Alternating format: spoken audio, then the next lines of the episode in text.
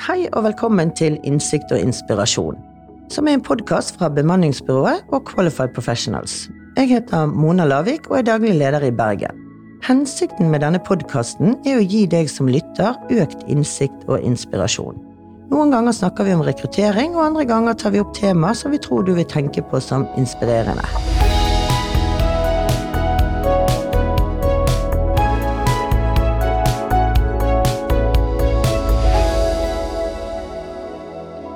Dag skal vi snakke om hvilke tabber du må unngå når du gjennomfører et intervju. Og jeg har med meg Øyvind Sandvik, så hvis du kan starte med å fortelle oss litt hvem du er og din kompetanse? Øyvind han er 51 år, jeg har jobba med rekruttering av både ledere, spesialister og medarbeidere siden 1999. Så har vært med på mange intervjuer og opplevd eh, mange spennende situasjoner. Ja, Jobbintervjuet er jo veldig viktig arbeid for bedriften, og tabber kan føre til feilansettelser, og at kandidaten ikke ønsker jobben fordi at prosessen har vært for dårlig. Øyvind, jeg har jo bedt deg om å sette opp en liste over de vanligste tabbene de som sitter og intervjuer, gjør. Eh, og hvis vi kan se litt på det første du har satt opp her, så er det at du sender en junior. Hva tenker du her? Jeg tenker at eh, det viktigste i første intervjuet det er rett og slett å, å, ha en veldig kompetent eh, person til å intervjue, og da bør man sette inn eh, heller en senior enn en junior for å få vurdert eh, det viktige. Og så kan man heller ta med juniorer litt lenger ned i prosessen i forhold til å teste ut mer kjemi, få en second opinion, men, men eh, senioren først. Det er mitt råd. Mm så er det dette her med at man kommer for sent. Er det vanlig, og spiller det en veldig stor rolle for kandidaten? Nei, jeg tror ikke man skal overdramatisere det. Det jo, går jo på vanlig høflighet å være presis. Kandidatene er jo ofte veldig flinke til det. Og jeg opplever at eh, også kundene er flinke til det. Det er noen som fikk en telefon eller en Teams, og det er klart det, det er jo ikke optimalt, men jeg føler ikke man skal dramatisere det. Men det er veldig ålreit å være fokusert på å komme presis, mm. også til intervjuet. Ja, så det vel greit hvis de også gir beskjed og ringer hvis det skulle være forsinkelser. Eh, du leser eh, CV-en i møte. Er ikke det normalt å ha med en CV som støtte? Er det en tabbe?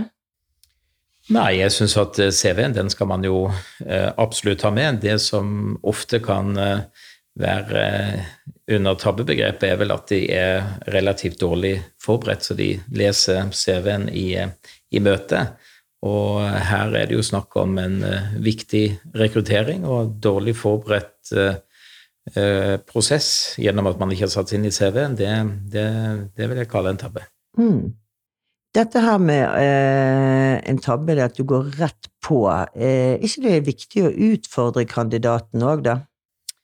Ja, jeg mener jo på at man trenger ikke gå direkte på å være hard for å gjøre en grundig og god analyse og vurdering av kandidaten. Og ofte hvis man er litt for tøff, uh, så vil de lukke seg litt. Så det, det er ofte ikke en klok måte å tilnærme seg kandidaten på. Mm. En annen ting som kan være, er jo at den som intervjuer, ikke er, aner hva slags kompetanse og egenskaper de er ute etter. Hva er så gale med det? Nei, Da forlater man jo jobbanalysen som skal være grunnlaget for å finne den beste kandidaten for bedriften. Min eh, erfaring er jo at man gjør ikke så veldig ofte tabber på kompetanse, det er mange flinke til å ha fokus på, men veldig mange glemmer egentlig hvilke egenskaper var det som var viktig å ha. Og jeg tror det går på mangel på kompetanse for å finne ut hvorvidt de har de egenskapene. Mm. Og det kommer vi igjen på her, sant? at en tabbe Du glemmer å stille spørsmål som avdekker personlige egenskaper, hvis du kan utdype det litt. Ja, utgangspunktet er jo at uh, veldig mange uh, er jo flinke når de skal lage jobbanalysen hva kreves for å lykkes. Uh, men når man kommer til intervjusituasjonen, så stiller man veldig få spørsmål eller gir case som skal være med på å avdekke hvorvidt kandidaten har egenskapene. Jeg tror det går på mangel på kompetanse hos den som intervjuer. Mm. Dette med sammenligning av kandidater da, fra forrige intervju, hva tenker du om det? Ja, Utgangspunktet er jo at det er veldig lett å sammenligne kandidatene. Det gjør man jo egentlig til slutt, men det som er den anbefalte metode, det er jo å måle kandidaten i forhold til jobbanalysen. Eh, og så vil sammenligning av de scorene man gir der være med på å finne den riktige. Så sammenligning med jobbanalysene og ikke mellom kandidatene, for da får man for mye eh, Kall det eh, magefølelse sammenligningen. Man, eh, man, må ta det i forhold til jobbanalysen. Mm. Og dette med at eh, du lytter til dine egne fordommer, er det mye diskriminering ute og går? Jeg vil si mindre og mindre, men det er ingen tvil om at det er oppfatninger om alder, kjønn og språk når man skal foreta vurdering av kandidater, og, og det, det, opplever vi eh, også i dag, men mye mindre enn før. Mm. En annen ting du har eh, tatt med her, er jo dette med at du liker de som ligner deg selv. Men er det så rart, da? Nei da, det er nokså naturlig, det. Men eh, da bommer man eh, stygt hvis man gjør det. Så igjen så er det jobbanalysen som skal legges til grunn for vurdering av kandidatene. Og da vil man få den beste kandidaten. Den uh, ligner på seg selv, den, uh, den, går veldig ofte igjen. Og heldigvis er det veldig mange som evner å ta et steg tilbake og, og se på jobbanalysen når vi gjør de litt mm. oppmerksom på det. Mm.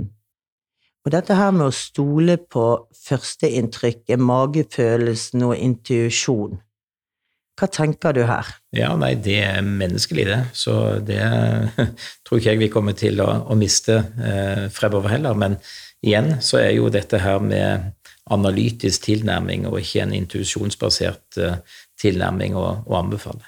Mm. Og det viser jo også forskning, sant? at man eh, bør gjøre det. Dette med at eh, noen kan legge litt for mye vekt på det negative, eh, og det kan jo være lett å gjøre. Sant? Man sitter kanskje i intervju en time eller to, og så kan jo kandidaten si noe som kanskje ikke er helt til fordel for seg selv, men det er kanskje bare en liten del av det. Hva er rådet ditt her? Nei, det rådet er jo igjen eh, hold deg til jobbanalysen, vurder den, og ta gjerne opp det som var negativt, men utfordr på er det viktig. Mm, mm. Og dette her med hvilken påvirkning den som sitter og intervjuer, har på kandidaten med tanke på atferd. Mm. Kan du utdype det litt? Ja, kandidaten følger jo med.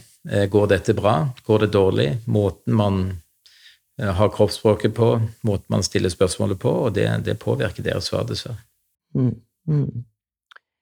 Og så er det dette at man kan eh, glemme at suksesser kandidaten har vært med på. Det er ikke alltid at det nødvendigvis skyldes kandidaten. Hva mener du med det? Nei, det er mange som tror at hvis du har jobba i et selskap som har hatt stor suksess, eh, så vil eh, kandidaten bringer med seg litt av det til et nytt sted, men, men det er sjelden sammenheng mellom de tingene. Så det skal man ikke legge noe vekt på i det hele tatt. Ja. Dette her med du lar det blende av glorien, hva, hva betyr det? Nei, jeg tror hvis eh, en fotballspiller eller kjendis kommer på intervju, så er det en del som kan bli litt blenda av det, og, og glemme egentlig å vurdere dette i forhold til den omtalte jobbanalysen. Mm, mm. Dette med Noen sitter jo og prater og tenker at vi husker alt, og det kan jo òg være en tabbe man gjør at man glemmer å notere. Hva er dine tanker rundt det? Ja, nei, Det er jeg helt enig i. Så det viktige her det er jo egentlig at man skal notere underveis, og da skal man jo gi score i forhold til jobbanalysen. Hva er det som indikerer at vedkommende har den fagkompetansen, har den, eh, de egenskapene som, som, kreves, og om det er andre ting som gir tegn. Og det, det må man eh, notere underveis. Mm. Dette var jo veldig mange gode tips for de som skal sitte og intervjue kandidater, og det er jo veldig mye å huske på, da. Hva, eh, hvordan skal vi få formidlet det videre? Ja da, det er helt riktig. Så det som er planen, det er å legge ut disse rådene også skriftlig på hjemmesiden til både bemanningsbyrået og Qualified Professionals. Eh, og på den måten så kan man gå inn der og, og slå. Og jeg tenker det skal gi et generelt råd, analytisk tilnærming til jobbanalysen. Gjør du det, så eh, greier du å, å komme forbi de fleste av tabbene her. Mm, så flott. Tusen takk, Øyvind. Syns du dette har vært interessant, håper vi at du vil følge oss videre. Abonner gjerne på podkasten. Følg oss på sosiale medier, så kommer vi med mer innsikt og inspirasjon. Takk for at du hørte på.